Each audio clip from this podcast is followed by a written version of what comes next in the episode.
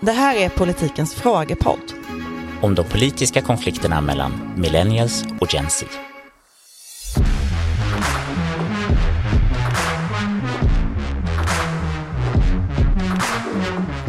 Fast jag tror inte att det, det är den viktigaste Nej, frågan. men om jag för- tror det, vad svarar du då? Arne Hellmark har skickat in den här frågan. Det vore roligt att höra er spekulera om den första riktiga politiska striden mellan millennials och generation Z. Alltså är det- rent strikt så är inte det här en fråga. Men det kan vi Det är inte, ett önskemål. det kan vi inte klaga på Arne om, det är ju en uppmaning. Och en spekulation kommer det sanningen att bli. Alltså den första riktiga politiska striden, eh, kanske också när den kommer ske. Kanske framförallt att vi ska börja i änden av att definiera de här begreppen som kanske inte är självklart för alla. Även om Henrik vet jag, du är väldigt förtjust i begreppet millennials när vi gjorde en annan podd ihop. Du pratar ofta om det. Ja, eftersom jag är väldigt amerikaniserad. Vi ska säga att det här är ju sätt att dela in generationer som är, förutom väldigt mycket USA, väldigt baserat på så här konsumtionstänk, marknadsundersökningar och vissa tycker ju att hela idén om att analysera utifrån dessa breda kohorter, det är i princip någon sorts statsvetenskaplig motsvarighet till horoskop. Aha. Men om vi ändå köper det här begreppet eh, och försöker förstå det så kan vi i alla fall säga att nu finns det en tydlighet på Wikipedia exakt när eh, man ska vara född för att vara en millennial. Man ska vara född mellan 1981 och 1996 och om man är född mellan 1997 och 2012 är man Gen Z, generation Z. Vilket betyder att vi har alltså två millennials och Nej, Här i rummet. om Torbjörn är i sådana fall förra millenniet. Alltså, för, alltså millenn- om det fanns en millennials Nej. tusen år tidigare. Nej, men Men han är inte född 83? för, Okej, nu skakas Jag min är värld. vacker men alltså så ung är jag inte. Nej. Okej, Och- men då betyder det att du och jag är Gen X, generation X. Ja, Nej, men det jag försöker måste säga jag vara är att sådana Torbjörn fall. är som en mycket, mycket, mycket äldre person än så. Alltså känslomässigt och auramässigt så ja, eh, 20-30-tal om vi ska vara generösa. Teknikutvecklad också. Mm, det, det finns många invändningar här eh, mot hur fint att ni Men kategoriserar mig. jag Men är, eh, de här generation, eh, millennial och generation Z, vi, vi, jag kan ingenting om dem. Vilka är Nej, men, de? och jag tycker att det är så spännande för man hör ju mycket om dem. Det finns ju någon slags eh, medial förtjusning att prata om de här generationerna. Eh, jag är ju då väldigt tidig millennial och jag tänker att all, de som kommit sen, de är ju eh, tråkigare, präktigare än vår generation. De dricker inte, eh, de eh, ligger inte, de, de ser allvarligt på världen, de blir kränkta av ett skämt.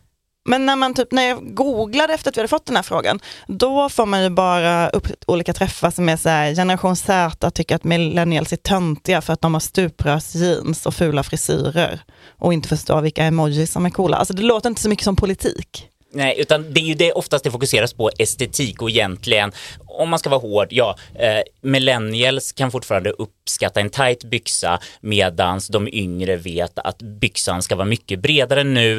Eh, de äldre använder Instagram, de yngre använder TikTok. Där brukar det mesta bränslet finnas i kulturdebatten.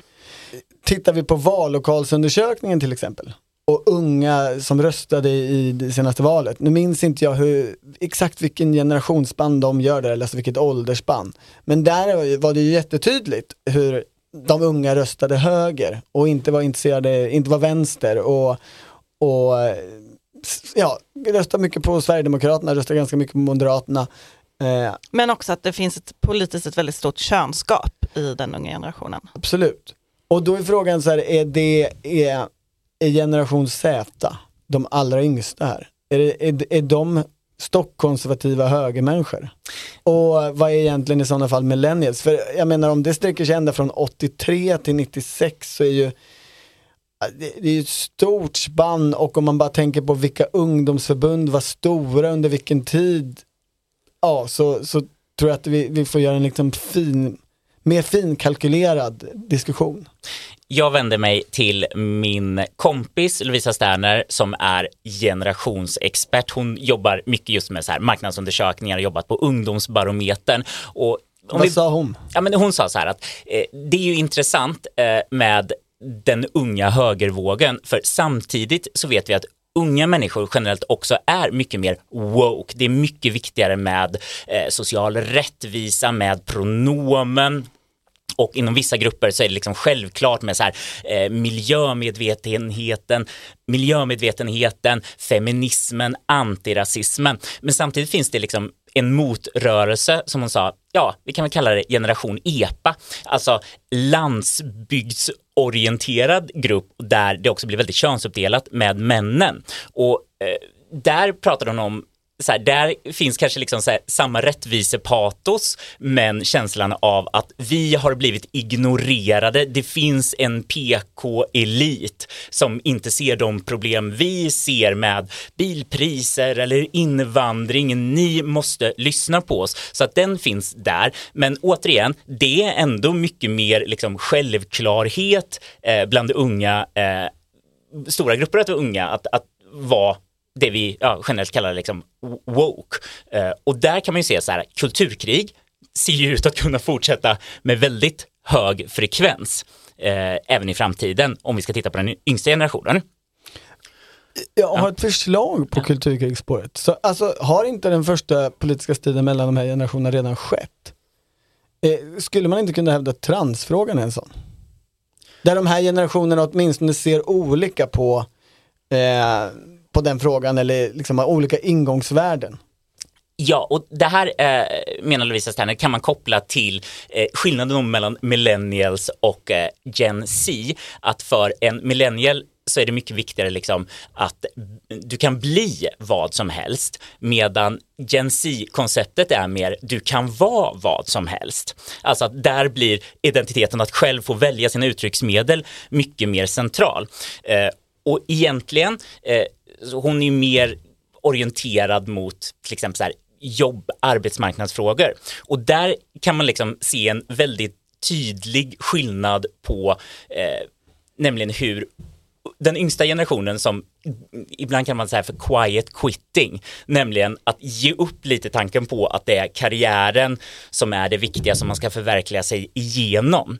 Eh, och det här blir ju extra problematiskt för ofta är det ju millennials som är Gen Zs chefer. Så det blir en väldig kulturkrock. Men det här har vi ju pratat om tidigare i den här podden vid några olika tillfällen och vi pratade ju om, eh, in, innan du började jobba här Henrik, om eh, 90-talisterna som som folk i vår generation eller vår ålder pratar om som kommer till jobbet och är, känner in väldigt mycket och är så här, ehm, orkar jag liksom jobba idag? Var befinner jag mig? Vilken plats är jag på just nu?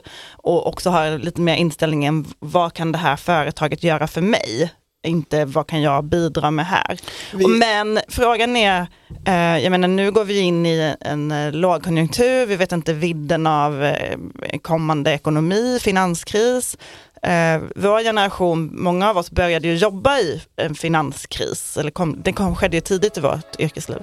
Det kanske också kommer förändra synen på arbete framåt. Låt oss ta lite fakta för omväxlings skull. Lite fakta för omväxlings skull.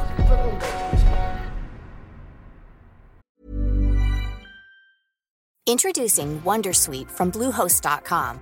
Website creation is hard, but now with Bluehost, you can answer a few simple questions about your business and get a unique WordPress website or store right away. From there, you can customize your design, colors, and content. And Bluehost automatically helps you get found in search engines like Google and Bing. From step-by-step guidance to suggested plugins, Bluehost makes WordPress wonderful for everyone. Go to bluehost.com/wondersuite. Möjligen att vi låter här lite som eh, äldre personer som tycker att de yngre är lata. Eh, det, det är väl en brasklapp, men eh, du pratar alltså om en yngre del av din egen millennial-generation här på något sätt. Nej, nu pratar jag om generation Z Ah. 90-talister. i Men- relation till oss millennials. Men tänker ni då att det kan bli en riktig, alltså en riktig konflikt mellan de här generationerna om arbetslinjen till exempel. Alltså det finns ju två arbetslinjer i svensk politik, den socialdemokratiska och den moderata. Eh, men om någon av dem. Ja, men jag tänker att konflikten, i, alltså generationskonflikter brukar väl komma sig av att man gör uppror mot någonting som den tidigare generationen har ägnat sig åt. Är inte det själva poängen? Eller? Jo men det är vi ju kanske mest mot föräldrar, inte mot chefer som är tio år äldre. Eller? Nej, det är sant. Det kanske är, det kanske är en för tidig konflikt. Alltså det är kanske inte, inte rätt generation att vara i konflikt med. Och, och det blir ju extra intressant för i den svenska modellen så är det ju inte säkert att det är politiken som går in och löser de här frågorna utan det kan ju vara arbetsmarknadens partner som plötsligt så här, åh, Inte arbetsmarknadens partner. den hoppas jag ska komma och, och mötas.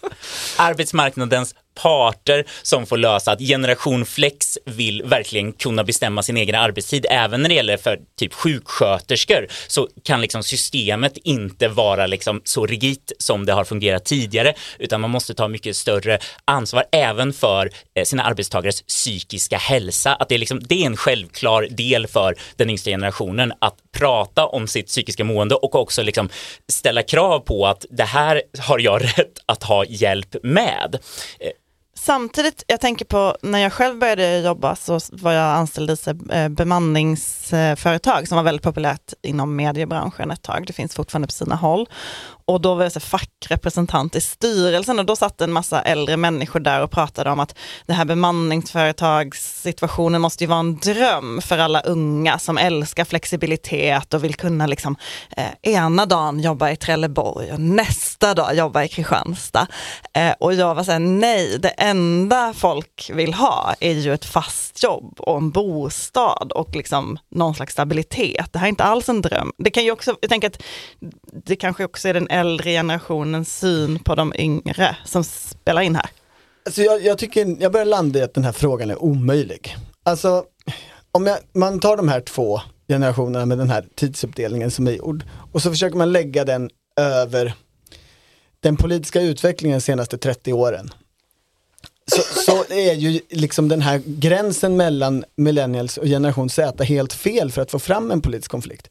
Alltså vi har ju tre faser i, i, i svensk partipolitik över de här 30 åren. Först är det liksom besparingarnas 90-tal.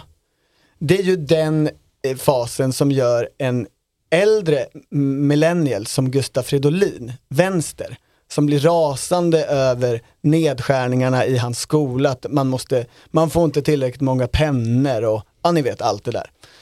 Sen har vi ju direkt påföljande efter det egentligen så kommer ju den nymoderata eh, versionen av liberalism.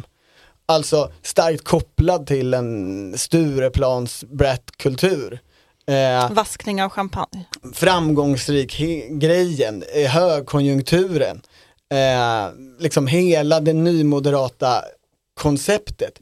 Men de som liksom är unga och formas av det, de är ju både födda sent millennial och tidigt generation Z.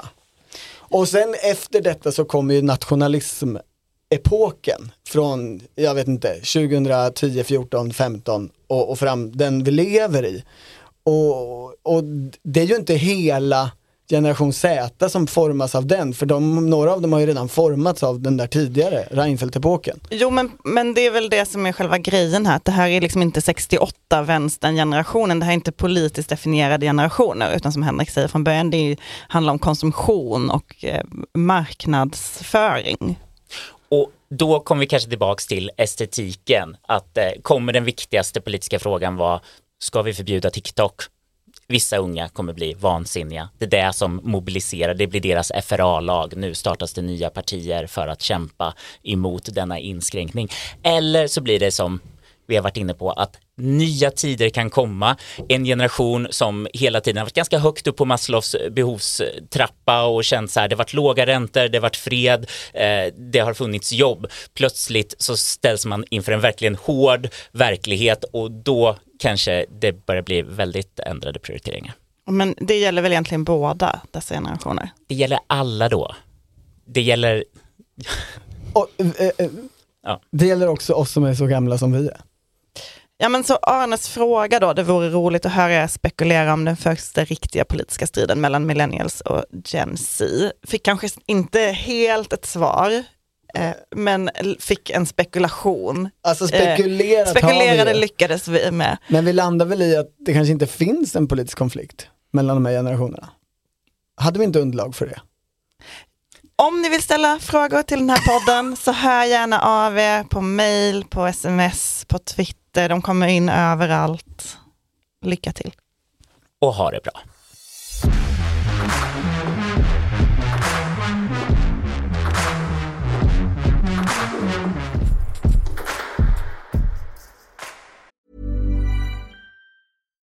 Hi, this is Bachelor Clues from Game of Roses, of course, and I want to talk about Club Med. Everybody knows Club Med has been the pioneer of the all inclusive resort since 1950, with almost 70 resorts worldwide, ranging from beachside destinations in the Caribbean and Mexico to exotic locations like the Maldives and Morocco, or even the mountain destinations like Japan and the European Alps. Dine on delicious gourmet cuisine, enjoy more than 20 activities, and make memories with your family. For more information, visit clubmed.us or call 1 800 Club Med or your travel advisor. Du har lyssnat på Politiken, en podd från Svenska Dagbladet. Producent Mattias Dellert och ansvarig utgivare Anna Karleborg. Tired of ads barging into your favorite news podcasts? Good news. Ad-free listening is available on Amazon Music for all the music plus top podcasts included with your Prime membership. Stay up to date on everything newsworthy by downloading the Amazon Music app for free or go to amazon.com slash news ad free. That's amazon.com slash news ad free to catch up on the latest episodes without the ads.